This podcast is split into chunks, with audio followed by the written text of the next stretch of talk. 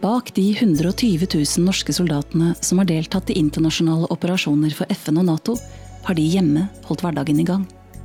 De har ventet og ventet på at sønnen, datteren, ektefellen, mamma eller pappa skal komme hjem. De har holdt motet oppe, mens de samtidig fryktet den verste beskjeden. De fleste fikk sine kjære hjem. Flere fikk hjem en med skader på kropp og sjel. For noen sluttet en del av liv. Disse familiene har gitt sitt, for at andre skal få nyte den freden og friheten vi andre tar som en selvfølge. Hver dag har de vært med soldaten der ute. Vi er et team, og han innser at jeg får ikke til noen ting uten mitt team, og det samme tenker jeg. Og at barna våre også er en del av det teamet. In a military family, all serve. Velkommen hit til eh, Et øyeblikk en evighet og eh, en helt ny serie som vi har kalt eh, Hjemmefra. Hjemmefra handler om de som er igjen hjemme når våre soldater drar til fremmede land i Intops. Og det mange kanskje ikke tenker helt på, er jo den belastningen som er for de som er igjen hjemme. Mødre, familie, koner, samboere, og spesielt hvis det er barn involvert også. Vi er hjemme hos Fredrikke. Fredrikke Bang Lysgård. Hun har vært gjennom en rekke deployeringer, i den forstand at hun har vært hjemme, mens eh, mannen Asbjørn har vært eh, deployert, spesielt eh, til Afghanistan. Så hyggelig å være her hos deg, Fredrikke. Tusen takk, og det er utrolig hyggelig at du er her. Og veldig hyggelig å bli spurt. Dette er noe jeg setter veldig pris på, og um, noe som betyr mye for meg, å få fremhevet de som er uh, hjemme. Du er jo forsvarsmenneske, du har litt, um, litt militær i blodet. Du er jo selv reserveoffiser. Du har en far som tjenestegjorde et langt liv i Sjøforsvaret. Og du har valgt deg en ektemann som er karriereoffiser. Så, så, du har jo dette her under huden, men likevel så har du valgt å engasjere deg enda sterkere i både veteranorganisasjoner og, og spesielt for de som da måtte være igjen hjemme mens de andre dro ut. Ja, selv om eh, jeg har eh, vokst opp med en, eh, både en farfar i Notraship og, og seiling under krigen, og en far som var i Sjøforsvaret og så i shipping resten av sitt yrkesliv, og selv har vært i Sjøforsvaret en del, så betyr det fortsatt at uh, det å være hjemme er ikke alltid like lett, selv om man har uh, funnet seg og blitt gift med en yrkesoffiser og man selv er blitt uh, 100% sivil igjen. Så Derfor så engasjerer det meg så veldig, fordi jeg vet kanskje litt hvordan det er på begge sider av gjerdet. Ja, for din, eh, din si, hjemmetilværelse, skal vi bruke det uttrykket, den, den begynte jo veldig tidlig i, i denne Afghanistan-konflikten. Begynte vel omtrent med en gang? Ja, den begynte Egentlig så fikk jeg jo forsmak på hjemmetilværelsen bare noen måneder etter at jeg traff eh, Asbjørn. Eh, for da forsvant han jo i seks måneder etter at vi bare hadde datet to måneder.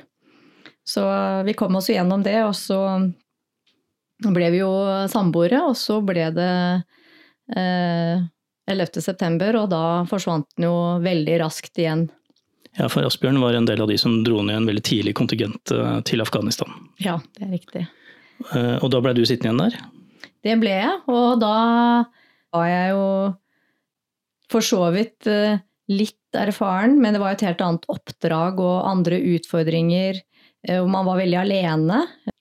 Og det var jo utfordrende i den forstand at TV og CNN bombarderte jo alle nyhetssendinger med trefninger og bomber, og du visste at uh, samboeren din og, uh, var der nede. Uh, og det var ikke noe informasjon å få noe sted. Så det var ganske tøft sånn psykisk å gå hjemme, og det er stille i huset, og du går på jobb og er i en automatikk. Eh, og jeg husker veldig godt at jeg gikk ned mange kilo uten å slanke meg. Altså jeg spiste som normalt, men jeg raste ned i vekt, og det sier jo mye om den uroen som man går og bærer på innvendig. Ja, det vil si at du, du, du fikk ikke lov å slappe av? Nei. Og i og med at jeg ikke bodde på Rena, jeg bodde i Oslo og hadde min egen jobb, så hadde jeg jo heller ingen å snakke med om det. Det var ingen i min nære omgangskrets som hadde noe tilsvarende. Så Men man finner sin rytme og, og hadde god dialog med arbeidsgiver, for så vidt. Så Men det var ganske, det var ganske tøft, den første deployeringen. Var det noen å snakke med fra avdelingen hans eh, her i Norge? Ikke noe veldig eh, ved den første runden. Ehm, de hadde informasjonsmøte hvor vi ble invitert opp, men det var veldig generelt og lite personlig. Eh, det var jo selvfølgelig sjefen som snakker, og psykologer som snakket, og, og eh, vi fikk jo beskjed om at uh, må jo gjerne ta kontakt hvis du vil ha, trenger hjelp til noe, om det skulle være snømåking eller hjelp med datamaskin. Men det er jo fint for de som bor nærme en leir, men for oss andre som bor langt unna, så var det liksom ikke sånn at jeg kunne ringe og be om at oppkjørselen blir måket. Så man var veldig overlatt til seg selv akkurat i den første fasen. Nå kom jo Asbjørn tilbake igjen fra den første runden, og da ble det jo tydeligvis mer sammen? Ja, det eh, Jeg løp ikke etter den eh, De to første harde belastningene det første året vi var sammen, så det endte jo i et ekteskap. Veldig kort tid, eh, eller ganske kort tid etterpå. Så ehm, Og jeg hadde vel kanskje også en, en del kunnskap om om dette å være ute, ettersom jeg har selv vært litt inne og hatt en far som har snakket mye om det. Men eh, det betyr jo ikke at man ikke selv finner det vanskelig, selv om man forstår eh, hvordan, det, hvordan, det, fungerer, da, og hvor raskt det kan endre seg. Men det, stiftet jo familie, det fikk jo barn. Ja, det gjorde vi, og man blir jo kom jo inn i en litt stillere periode, for så vidt. Og krigs, vi begynte på krigsskolen. Jeg sier vi, for det er jo et team. Så gjør Asbjørn noe, så må jeg være med på laget, ellers så får ikke han gjort det han skal. Så vi fikk vårt første barn mens han gikk på krigsskolen. Og eh, det var ikke bare bare det heller. Det var for så vidt ganske strenge krav der. Vi fikk ikke verken lov å dra på bryllupsreise. Da fikk han beskjed om at da fikk han ikke eksamen eller godkjent utdanning hvis han var vekk på bryllupsreise. Eh, men eh, vårt første barn ble født. Han var ute på sånn stressøvelse med krigsskolen da det nærmet seg termin. så da veene begynte å sette i gang, så tenkte jeg mest på han at han trengte søvn, så jeg lå hele natten og hadde veer og, og tenkte ok, nå må han få sove, for han har jo nå ikke sovet så mye den siste tiden. Og når han våknet på morgenen, så sa han nå må vi kjøre på sykehuset. Så Det er jo litt av et teamwork, da. Det må jeg bare få lov å, få lov å si. ja. Så um, jeg kjente vel på kroppen at det var ikke helt klart, men eh, jeg lå alene og hadde vondt. Men så ble Asbjørn ferdig på krigsskolen, og da var det jo ut igjen? Da var det ut igjen, og da ble det jo helt andre utfordringer enn det var når jeg var alene. Og da blir det jo mye større påvirkning på min arbeidsgiver, noe som jeg syns også var ganske stressende. For det er utrolig lite kontakt, eller det er ingen kontakt mellom Forsvaret og pårørende sine arbeidsgivere. Og når eh, Asbjørn var deployert, så kunne jo ikke han komme hjem med sykt barn, eller jeg hadde kveldsmøter, eh, det var andre ting jeg hadde behov for støtte til. Hvor eh, min sivile arbeidsgiver måtte gi meg ekstra dager, være fleksibel på den måten. Så var jeg veldig avhengig også at familie og venner da, kunne stille opp for meg. Men det må jo føles selvfølgelig godt å ha et støtteapparat rundt seg, men også føles litt feil? Ja, det føles jo feil i den forstand at uh, man ønsker jo at det er far som skal bidra. Um, og så er det dette savnet med at man ser dette barnet vokser, og så er jo ikke da pappaen til stede og få sett dette, så det blir jo en sorg i seg selv å tenke på hva er det han går glipp av. Så, så jeg syns det var ganske tøft. Hun var jo såpass liten den første deployeringen at hun selv forsto jo ikke noe av den runden. Uh, måtte bli litt eldre for hun liksom forsto litt mer. Men, uh, men stresset hos meg var større også fordi at jeg følte et ansvar overfor min egen arbeidsgiver, og det å være så mye ekstra borte og bli en belastning for kolleger fordi jeg plutselig kunne begynne å gråte på jobben av, fordi det var en nyhetssending som var vanskelig. Og så var det jo da Jeg fikk jo ikke lov å si så mye heller i den gangen. Men jeg måtte ha liksom én på museet som jeg kunne snakke med og si at hvis noe skjedde, da, så visste de lite grann mer.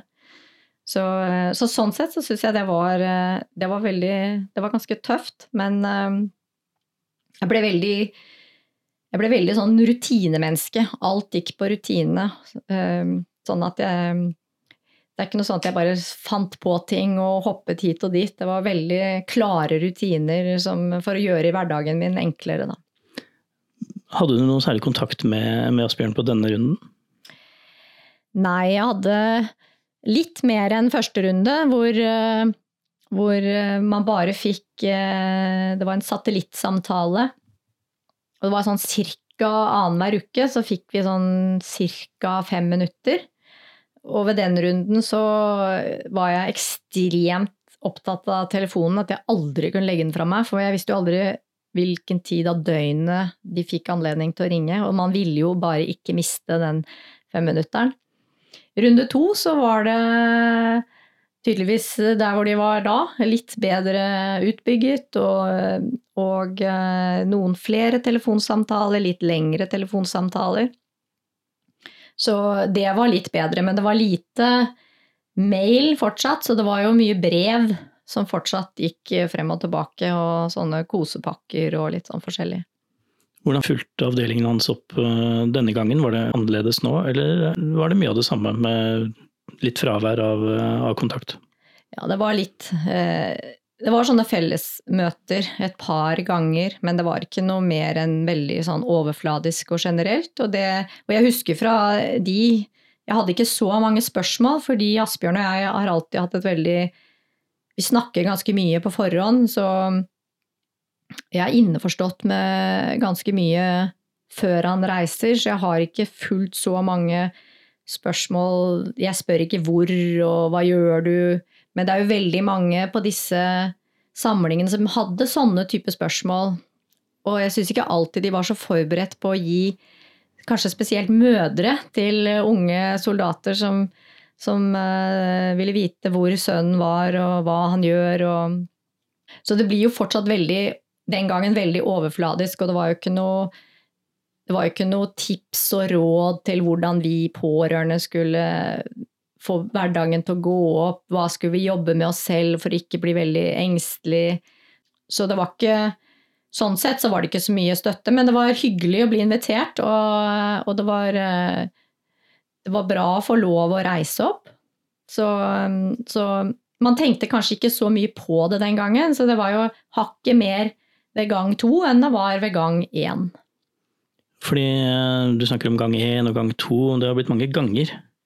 Det har blitt mange deployeringer. Jeg mister egentlig litt sånn tellingen. Så, eh, og det har jo utviklet seg, men det er nye utfordringer eh, når barn nummer to kommer og barna vokser til, så blir det ulike Ja, for dere presterte jo å legge opp til barn nummer to mens han var deployert? Ja, han Man vet jo aldri når disse deployeringene kommer, da. Og i og med at jeg er litt sånn, eh, jeg sa det jo i sted, at eh, jeg blir et sånn rutinemenneske da, og planlegge og må ha kontroll. Så jeg var jo helt klar på at jeg føder bare mai til juli, sånn at barna får barnehageplass i august. Jeg kan ikke ha barn sånn med ventelister, så, så vi, jeg var veldig på igjen da, at, eh, at ja, vi må planlegge sånn at det blir barn i mai, juni, juli. Og, eh, og, det, og, da har man jo bare helger da, når han er hjemme til å få dette til. Så jeg ble veldig sint en gang de dro i gang en sånn eh, hva er det for, en øvelse hvor de må se hvor lang tid tar det før gutta er på plass på jobb. da. Hvor jeg egentlig hadde hatt mer tid på en søndag til noen ganger til. Men vi måtte forte oss veldig før han dro. Men vi klarte å få Vi klarte å få Vi klarte Jeg ble gravid. Og det ble veldig spesielt med Sebastian, fordi ved den deployeringen så mister vi jo en soldat. Og noe av det som jeg eh, sitter igjen veldig, det var eh, at vi hadde en eh, Det var troppen til Asbjørn veldig flinke til. De hadde samlinger med koner og samboere, og vi gikk ut og spiste middag og gjorde noe hyggelig sammen. Vekk fra, fra arena. Og jeg har veldig gode minner med de samlingene. Akkurat på denne samlingen da, så satt tre eller fire av oss og snakket sammen og vi alle var gravide. Og så var det en av jentene som ikke fikk hjem mannen sin. Og det, og det tenker jeg på den dag i dag, hvordan eh, Og det var rett rundt vi fikk Sebastian. At uh, hvor skjørt livet er, og hvor, uh, hvor uventet ting kan skje. Ja, for det må jo ha vært en en helt spesiell opplevelse, fordi det er jo et fellesskap uh, som du har kommet inn i. Og selv om det blir Selv om du ikke var der i det hele tatt, så treffer du jo de pårørende i større eller mindre grad. Og det vil jo påvirke deg også når du er hjemme. Det treffer oss veldig. Selv om man, selv om man ikke kjenner, så treffer det. Fordi Forsvaret og er jo ikke så stort, og det er heller ikke den eh, verden egentlig rundt. Så, eh, og vi kjenner nok alle på de samme sorgene, så eh, er det noe jeg tenker på når vi mister noen, så er det Eller skadede, så tenker jeg bare åh, hvordan hadde jeg takla det? og den sorgen som kommer, og det å bli alene. Og jeg, jeg, jeg kommer jo aldri til å glemme når Asbjørn skal fortelle meg, og jeg er gravid, og han skal fortelle meg at de skal deployere igjen. For de hadde en ganske høy frekvens med deployeringer en eh, periode. Hvor vi har en hyggelig middag med vår datter Andrea på Peppes på Skøyen. Og så Ja, det er jo litt varslingstid, da, men jeg begynner jo å regne opp i hodet på når de skal reise, og det viser seg at han skal jo da dra seks uker før termin. Og jeg skal love deg at hele Peppes hørte at eh, jeg ikke var så veldig fornøyd med, med akkurat det avreisetidspunktet. Men det er jo sånn det er. Det er eh, dette er jo konsekvensen av å være sammen med en yrkesmilitær. Og han reiste jo seks uker før termin.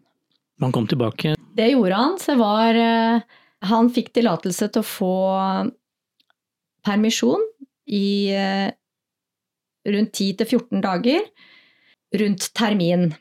Så øh, jeg øh, Vi satset jo på da, at jeg skulle klare å føde akkurat i de dagene han var hjemme, men det var jo ikke noe garanti. Selv om jeg hadde en veldig positiv jordmor som liksom mente at kroppen min ville vente til han kom hjem. Og, øh, men jeg måtte jo lage noen plan B.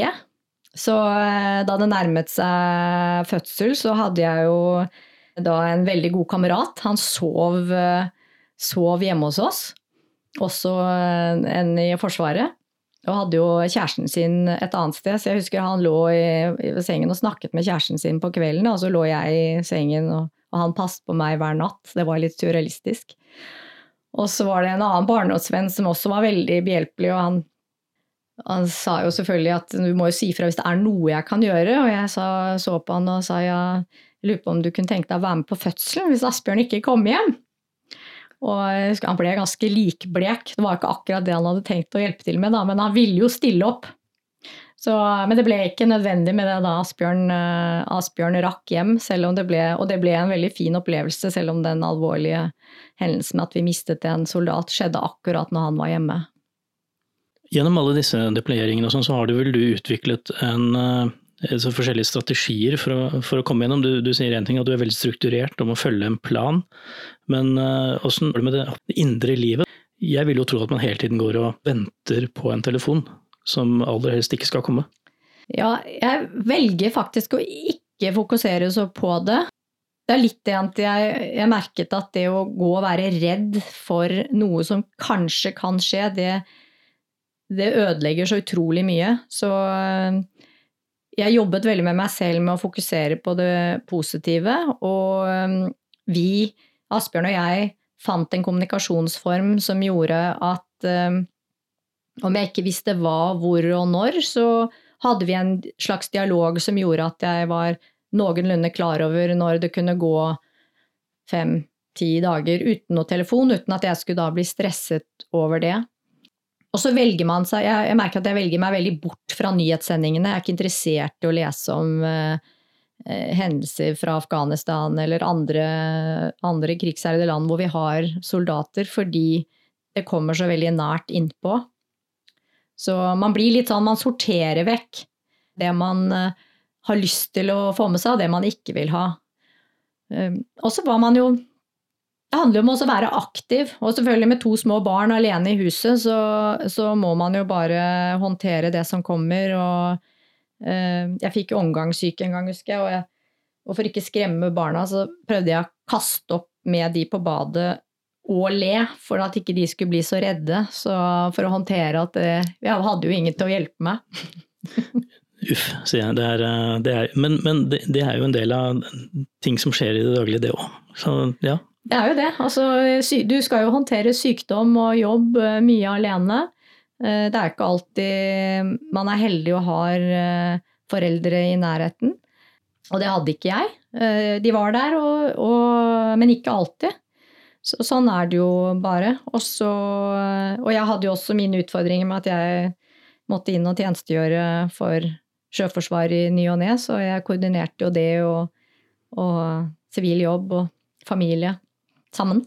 Eller så er man jo har, Det er jo en eh, litt artig historie i forskjellen til kanskje noen sivile Jeg har jo opplevd når vi har vært ute på tur altså, altså Militære familier blir utrolig tilpasningsdyktige, og det gjør også barna. Og spesielt etter USA, når vi bodde der borte. Og, og da var barna litt eldre, men da fikk de jo se eh, mange krigsskadde på nært hold, og de kunne putte relasjonene sine på hva faktisk krig var, da, at det var noen konsekvenser for, for uh, mennesker. Og noen av disse skadde var jo fedrene til deres venner. Så der borte så er det jo et veldig sterkt samhold blant de militære og et helt annet støttesystem. Det er ikke alt som er perfekt der borte, men de ser både barn og ektefellene på en helt annen måte. Så um, man blir veldig selvstendig når man er, eh, er eh, soldatfamilie. Så det var en det var, Barna var litt mindre, så var Asbjørn var selvfølgelig i utlandet et sted. Og sent på kvelden så ringer det på døren, og der står det en stresset nabo, en, en mann. Han var superstresset fordi at kona var på ti dagers forretningsreise. Og han fikk jo ikke dette leveringsgreiene til å gå opp, så om ikke jeg kunne hjelpe han, og jeg sto liksom og så på han, og så tenker jeg vi bor liksom et boligfelt med 18 hus, og av 18 hus så velger du mitt hus, hvor jeg, er alene med to barn, og så klager du på ti dager. Det er feil hus, men jeg skal selvfølgelig ta barna dine også. Og det gjorde jeg jo selvfølgelig, det jo, var jo uproblematisk. Men det, det, viser jo litt hvor lite de skjønner. Og, og, datteren vår holdt et foredrag på ungdomsskolen etter at vi kom hjem. Og det var så mange av elevene som sa, og læreren, at dette hadde de hadde aldri skjønt at hun hadde tenkt sånn og følt sånn. Så det er utrolig lite kunnskap der ute blant, i skolevesenet om disse militærbarna som har eh, Jeg tror det er bedre på skoler som er rundt baser og leire, men ikke vanlige byskoler. Når vi snakket sammen eh, tidligere, så sa du at eh, det var litt voldsomme overganger da Asbjørn kom hjem igjen. For da fungerte jo ikke rutinene dine? Nei, og det, var, det er egentlig Man må lære seg å leve sammen igjen, så det er et enormt savn når han er borte. Og så gleder man seg, og man teller ned, og man kan liksom ikke vente til han er tilbake. Og, og så skal man begynne å leve sammen. Og, og det var ganske sånn utfordrende med at jeg hadde faste rutiner med barna, og la ting på faste steder, gjorde ting Og alle var liksom innforstått med det, mens han han var jo ikke i den synergien, så han gjorde jo feil, og det ble når man er sliten, så blir det et irritasjonsmoment, og så kanskje man tok det opp hvor jeg følte at det ble en kritikk på meg, da, at jeg ikke gjorde det riktig, eller ikke var bra nok. Og på en annen side så syns jo han Det han syntes var vanskelig, som vi snakket om, det var jo at av alt det han hadde opplevd og sett, så ble dette så trivielt. At det var liksom bare helt latterlig for han å forholde seg til hvordan man kaster en bæsjebleie, f.eks. Eller at jeg bryr meg om hva søppelmannen mener om sorteringen av søppelet. Så, um, så, det var ganske tøft, og det tok oss ganske mange uker for å liksom komme litt i gjenge. Og barna syntes også det var vanskelig å forholde seg til pappa i begynnelsen. Det, var, det er meg som spør om, det er jeg som må gi tillatelse. Det liksom Hva pappa mente, var ikke veldig interessant. Altså, De var glad for han kom hjem og klemmer og sånn, men med en gang det handlet om kan jeg få lov å gjøre det, kan jeg få bruke de, kan jeg få være med på det, så var det alltid meg det gikk til. Så det tok også tid for barna å klare å forholde seg til han som en, en farsfigur. da. Nå har jo du vært gjennom eh, som vi sa, ganske mange deployeringer, og, og det, det, har jo gått en del år. Har det noe endret seg i forhold til hvordan Forsvaret har fulgt opp? Ja, altså det de har gjort for eh, De har jo virkelig endret seg i forhold til hvordan de ser barna våre. Det at de har gitt de denne hjemmemedaljen, syns jeg er kjempepositivt. Og når Asbjørn hadde sin siste oppdrag ute, så var jo barna såpass store at da fikk de også medalje. Det var første gangen vi har vært med på det. Så, men det har jo vært Det har jo ikke bare vært deployeringer. Vi har jo måttet følge han til eh, arbeid i utlandet, eh, som også har påført barna en del eh, utfordringer, og meg selv. Og der var det veldig lite oppfølging, eller ikke noe om jeg skal kalle det medalje, men det er lite det er lite tanke rundt hva det gjør med barna når de kommer hjem igjen, når de har vært ute med foreldrene på jobb. For du mener jo absolutt at det burde vært et tema som skulle vært løftet mye høyere opp, dette med familiesituasjonen til yrkesoffiserene som, som må reise rundt? Ja, fordi det er en del utfordringer, spesielt for de som, eh, som oss, da, som bor i store byer. Og når vi skulle ta de ut av skolen, så fikk jo jeg klar beskjed om at det var overhodet ingen garanti for at de fikk lov å begynne på skolen sin igjen fordi vårt område er stappfullt, så de måtte kanskje reise på andre siden av byen. Og si til barnet ditt at du skal reise vekk fra alle vennene dine og flytte et land med et fremmed språk. Og takken for det er at du kommer hjem og må begynne på en annen skole. Den var ganske tung å svelge. Så eh, vi voksne fikk et kurs, eh, et par dagers kurs, husker jeg. Men eh, det var veldig lite som var i forhold til barna, og hva hva, inne, hva det innebar for de. Og det er jo klart at jeg som voksen skjønner og ser at dette er en fantastisk mulighet for barna. Men de fokuserer jo veldig på at de mister venner, de mister opplevelser. Dette, uh, dette er vondt og vanskelig, og det var det jo også å begynne på en ny skole med et språk du bare ikke forstår. Så, og det var kjempetøft, og det var ikke noe tips til meg hvordan jeg skulle håndtere det. Og Asbjørn dro på jobb, husker jeg, de første ukene, og ikke kjente vi så mange. Han kom hjem og var så blid, og det var den kuleste jobben han har hatt. Og det var bare så spennende, og da hadde vi bare vært hjemme, kjente ingen, og det var jo eksplosiv stemning i det huset, for det, er, det var liksom ikke noe verktøy for oss for å håndtere det. Så der mangler det litt. Og jeg syns det mangler litt på rettigheten til barna når de kommer hjem at de, det burde være en garanti at, at, barn får skoleplass tilbake der de i sin gamle skole, så ikke de må gjennom enda et stress pga. Forsvaret har tvunget de ut. Vi får bare håpe at eh, rette, rette, instanser hører på dette her og tar det til seg. Det håper jeg. Men hvis vi skal snakke om uh, dette veteranprosjektet, du er jo involvert i bl.a. Veteran møter veteran, som er et uh, lavterskeltilbud for for egentlig alle veteraner og deres familier. Syns du at det er riktig at dette skal være et uh, privat initiativ, eller burde dette vært enda dypere rotfestet i Forsvaret? Jeg syns uh, det er bra med begge deler, uh, men jeg syns mye av det som vi gjør, også burde vært litt høyere opp på agendaen i Forsvaret reelt sett, da. Ikke bare på, i taler. mye av mitt engasjement i Veteran møter veteran, blant annet, og generelt i veteransaken, er jo spesielt for familier og, og barna.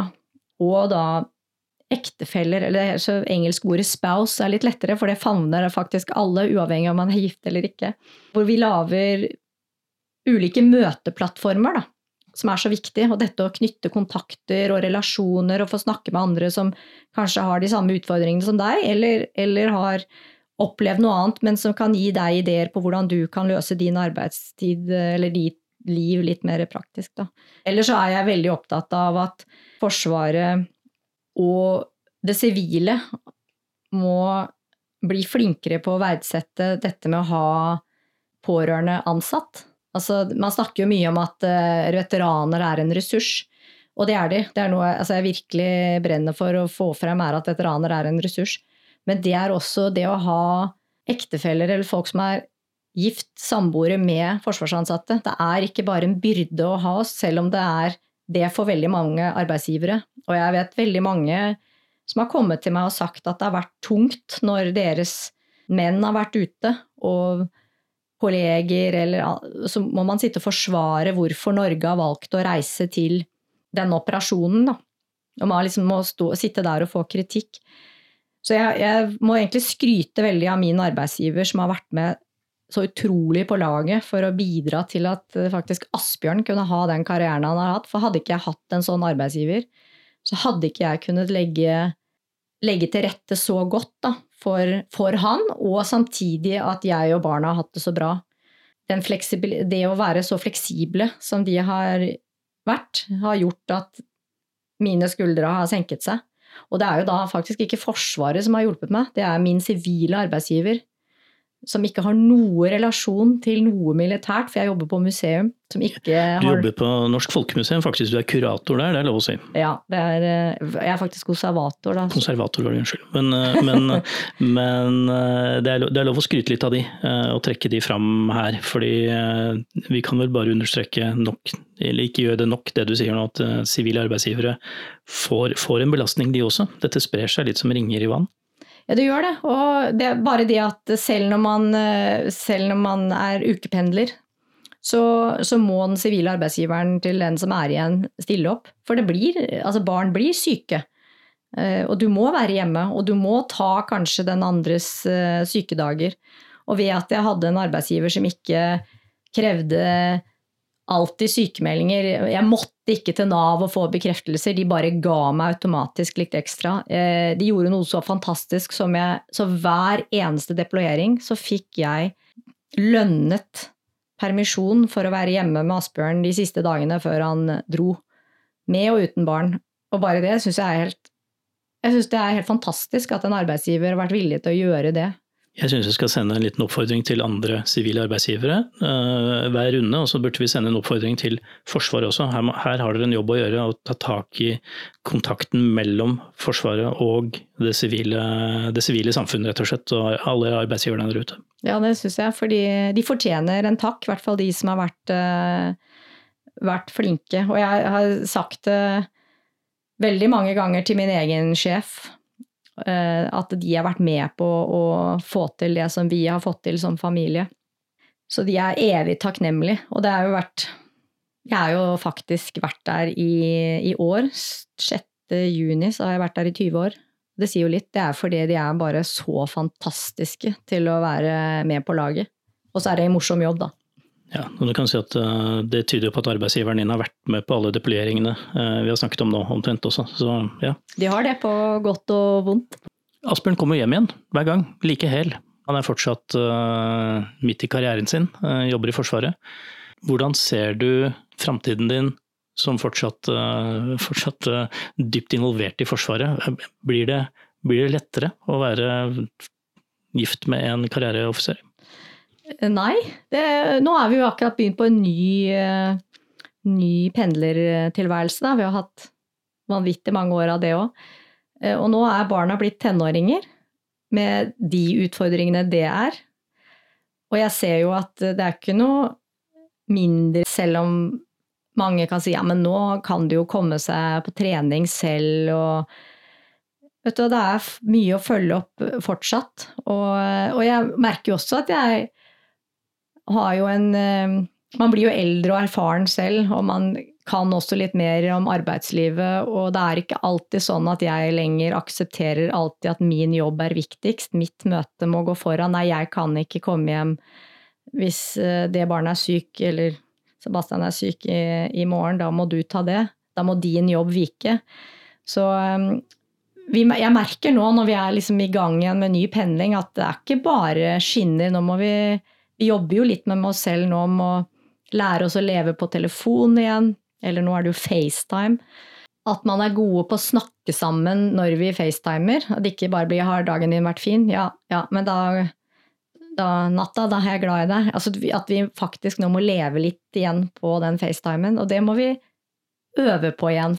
Så det er litt tøft. Og så igjen så merker jeg nå at når han kommer hjem, så blir det jo surr i systemet. Så, så, selv om man er blitt eldre og man er dreven, så, så, er det noe å jobbe med hele tiden. Det viktigste jeg har lært, og det som jeg vil si om oss, da, meg og vil si Asbjørn og jeg, det er at vi er et team. Og han innser at jeg får ikke til noen ting uten mitt team. Og det samme tenker jeg. Og at barna våre også er en del av det teamet. Så det er jo en, som jeg pleier å si, og jeg har det på kontoret mitt, så henger det en stor plakat som er hengt opp, og så står det In the military family, all serve. Og så er det bilde av alle hendene våre. Og det syns jeg er så jeg syns det er så godt bilde på at man faktisk er et lag, at alle, man må ha med seg alle sammen. Dette er en av mange unike historier om selvoppofrelse og mot. Historier som rett og slett er blitt et øyeblikk, en evighet.